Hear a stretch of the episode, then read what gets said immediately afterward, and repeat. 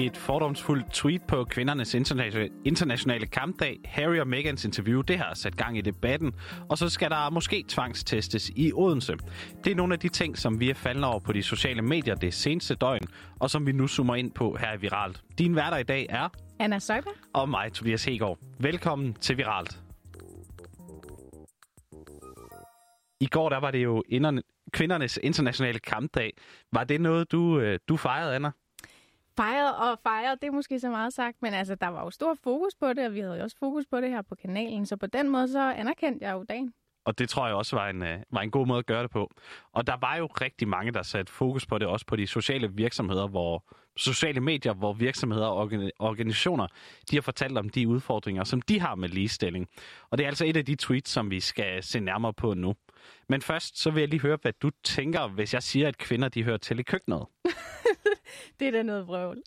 ja, det, det er det helt sikkert. Grunden til, at jeg spørger, det er, at Burger King i Storbritannien, de skrev netop det på Twitter i går. Og det skabte altså også en hel masse debat, som, som tænkte det samme som dig. Tweetet det stod helt for sig selv med den holdning nemlig. Men det blev så fyldt op med en tråd med en tekst om, at blot 20% af kokkene hos Burger King, det er kvinder. Og det var altså her, at de ville have flere kvinder i køkkenet. Vores kollega Henriette Kamp, hun har snakket med Katrine Tilke, der er digital ekspert med speciale i trolling og viralitet, om hvad hun tænker om det her tweet. Jeg tænker, det er rigtig godt lavet. Det Burger King de spiller på, det er en uh, trolling-teknik, som den helt basale, hvor man med vilje siger noget dumt, og så ser man, om folk de hopper på den. Og uh, så kan man efter det forklare, hvad man i virkeligheden mente. Og det er selvfølgelig masser, der gennemskuer med det samme og siger, vi forstår godt jeres joke, men helt ærligt, skal man virkelig sige sådan her.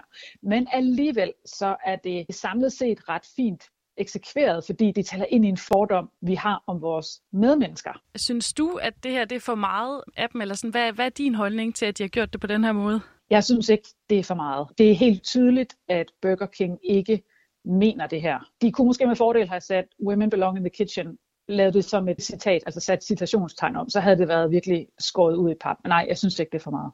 Men selvom Katrine Tilke, hun altså ikke synes, at der er for meget i det her tweet, så øh, var der altså stor uenighed på nettet. Men hvorfor egentlig? Ja, det har Katrine også et bud på. Ja, jeg tror dels, at der er nogen, der kun læser det første tweet. Det er jo en tråd, hvor der er et øh, tweet 1 og 2 og, og 3. Og man skal ligesom vide, at man skal folde tråden ud. Så jeg tror, der er masser, der bare, ligesom vi kun læser overskrifterne på en avisartikel, så tror der er masser, der kun har læst det første tweet, hvor der står Women belong in the kitchen. Så der er masser, der sådan set er hoppet på trollingen. Og så har det dannet som den første bølge af indignation, og så er der kommet en anden bølge af indignation, hvor folk så anklager Burger King for at med vilje provokere. Og når det først begynder at sprede sig, så altså, der er ikke noget så stærk en følelse som indignation og fascination. Og her der er det sådan et, ej, kan de virkelig ikke finde på noget bedre? Det er enormt viralt. Det er det, man kalder aktivitetsmobiliserende følelser. Det er de følelser, der får os til at klikke og dele og i det hele taget handle online. Det er, det er lige præcis indignation, frygt, fascination og vrede. Og det her, det spiller faktisk rigtig godt ind i det. Selvom at der så er mange, der er sure måske over det her tweet, altså tror du så stadigvæk, at, at det er positivt for Burger King, at de har gjort det? De er kommet meget, meget længere ud med en historie om deres egen diversitetsindsats, end de ellers ville. Så på den måde har det været meget, meget effektivt og billigt. Men de her mange utilfredse brugere, de har faktisk også fået Burger King til at gå ud og undskylde for tweetet. I et, nyt, I et nyt tweet skriver de, at det blev misforstået. De ville nemlig bare sætte fokus på den manglende ligestilling, men det blev altså overskygget af det første tweet om, at kvinder hører til i køkkenet. Efterfølgende så har de så også slettet det oprindelige tweet, fordi de blev gjort opmærksom på, at der var grove kommentarer mod kvinder som svar på det. Hvad tænker du om alt det her, Anna? Skal, skal sådan noget slettes igen?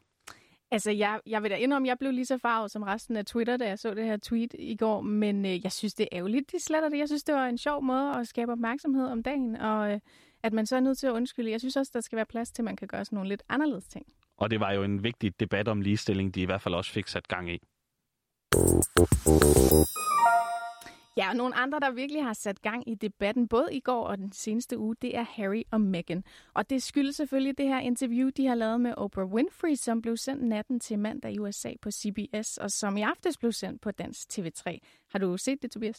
Nej, jeg har, jeg har ikke fået det set endnu. Okay, men jeg har kigget lidt nærmere på, hvad reaktionerne har været efter interviewet, men lad os lige starte med at høre, hvordan det lød, da parret tonede frem på skærmen. Were you silent, or were you silenced? I just want to make it clear to everybody there is no subject that's off limits, almost unsurvivable, sounds like there was a breaking point. My biggest concern was history repeating itself. You've said some pretty shocking things here. Det her interview har de britiske medier beskrevet som en bombe mod kongehuset, og især The Sun og Daily Mail skriver altså, at interviewet det er så voldsomt, at Meghan Markle, der er hertuginde, hun altså ikke kan sætte sine ben i Storbritannien igen. Det var især det her med, at hun skulle have haft det så skidt mentalt, at hun havde mistet lysten til at leve, inden hun flygtede med prins Harry til USA og frasagde sig alle royale forpligtelser. På de sociale medier har der dog været ret stor opbakning til parret. For eksempel har tennisstjernen Serena Williams skrevet, at Meghan hun lever et liv med empati og medfølelse, som hun også viser andre. Derudover så kender Serena Williams også selv til sexisme og racisme, og at institutioner og medier de bruger det til at minimere farvede stemmer og ødelægger dem og demonisere dem. Og der var også stor ros til Meghan fra Amanda Gorman, som du måske husker fra Bidens indsættelse, hvor hun læste sine digte op med ret stor succes. Hun mener, at Meghan lever det liv, som prinsesse Diana skulle have gjort, hvis folk omkring hende altså var lige så modige som Diana selv. Og så skriver Gorman, at Meghan ikke lever et liv uden smerte, men et liv uden fængsel. Alt det her, Tobias, gør det, at du får lyst til at se interviewet? Ja, det kan godt være, at man lige skal have, have det set igennem, når jeg får fri senere i dag. Det lyder i hvert fald meget spændende. Og til sidst her i Viral, så skal det også lige handle om coronavirus, for det fylder altså også i debatten på de sociale medier. Men først, Anna, vil jeg gerne lige vide, hvornår er du egentlig sidst blevet testet? Jeg mener, det var i torsdag sidste uge. Ja. Hvad, hvad vil du sige til, hvis, øh, at hvis ikke du blev testet, så, så skulle du have en bøde? Altså, jeg ville synes, det var lige overkanten, at jeg skulle have en bøde. Jeg synes, det er fair nok at opfordre folk til det, men lige frem at give mig en bøde, det vil jeg altså være lidt træt af. Ja, det er det her med bøde, hvis ikke man bliver testet, der er, er kernen i, i den her historie. For i går, der var der et møde i et nyt udvalg i Folketinget, hvor regeringen den ville have opbakning til at indføre tvangstest i bydelen Voldsmose i Odense. Det, derfor skulle beboerne, som ikke lå sig teste, de skulle så have en bøde. Det sker efter, at der har været massiv smitte i området, som faktisk også var det område i hele landet, der havde allermest smitte hen over weekenden. Men regeringen kunne altså ikke få flertal. Det var kun Dansk Folkeparti, der ville bakke op om det her tiltag. Men hvorfor ville de andre partier ikke bakke op om tvangstest, når nu sundhedsmyndighederne de har anbefalet, at man indfører det? Ja, vi kan lige høre, hvorfor de konservative ikke bakker op. Det er sundhedsordfører Per Larsen, der her forklarer. Jamen det er fordi, at øh, det vil jo være et øh, markant skifte i forhold til den praksis, man har haft under hele pandemien. Der har man jo ikke øh, haft øh, behov for at udstikke bøder øh, til nogen i forhold til test. Og med den robusthed, vores sundhedsvæsen har, altså vi står jo et rigtig godt sted. Øh, vi har øh, ganske få indlagte på vores hospitaler. Der dør kun øh, et par stykker med covid-19 Øh, typisk dør de jo andre sygdomme. Vi har masser af mennesker, en halv million er vaccineret. Vi har øh, rigtig stor testkapacitet. Vi kan se, at vi har kommuner med smittetal, der er helt nede på ja, et meget lavt tal. Så og, og kørt helt over igennem med meget høje incidenstal i mange kommuner, øh, og så nu her øh, lige pludselig komme og så siger, nu skal der så simpelthen ske noget, fordi der er en uh, lille bydel der, med 10.900 øh, indbyggere, hvor at de 7.000 lige rent faktisk er blevet testet. Sådan som jeg lige hørte det. Det synes vi simpelthen, det er at skyde gråsbord med kanoner. Vi bryder os ikke om tvang øh, og bøder øh, rettet mod den enkelte i, i forhold til at skulle testes.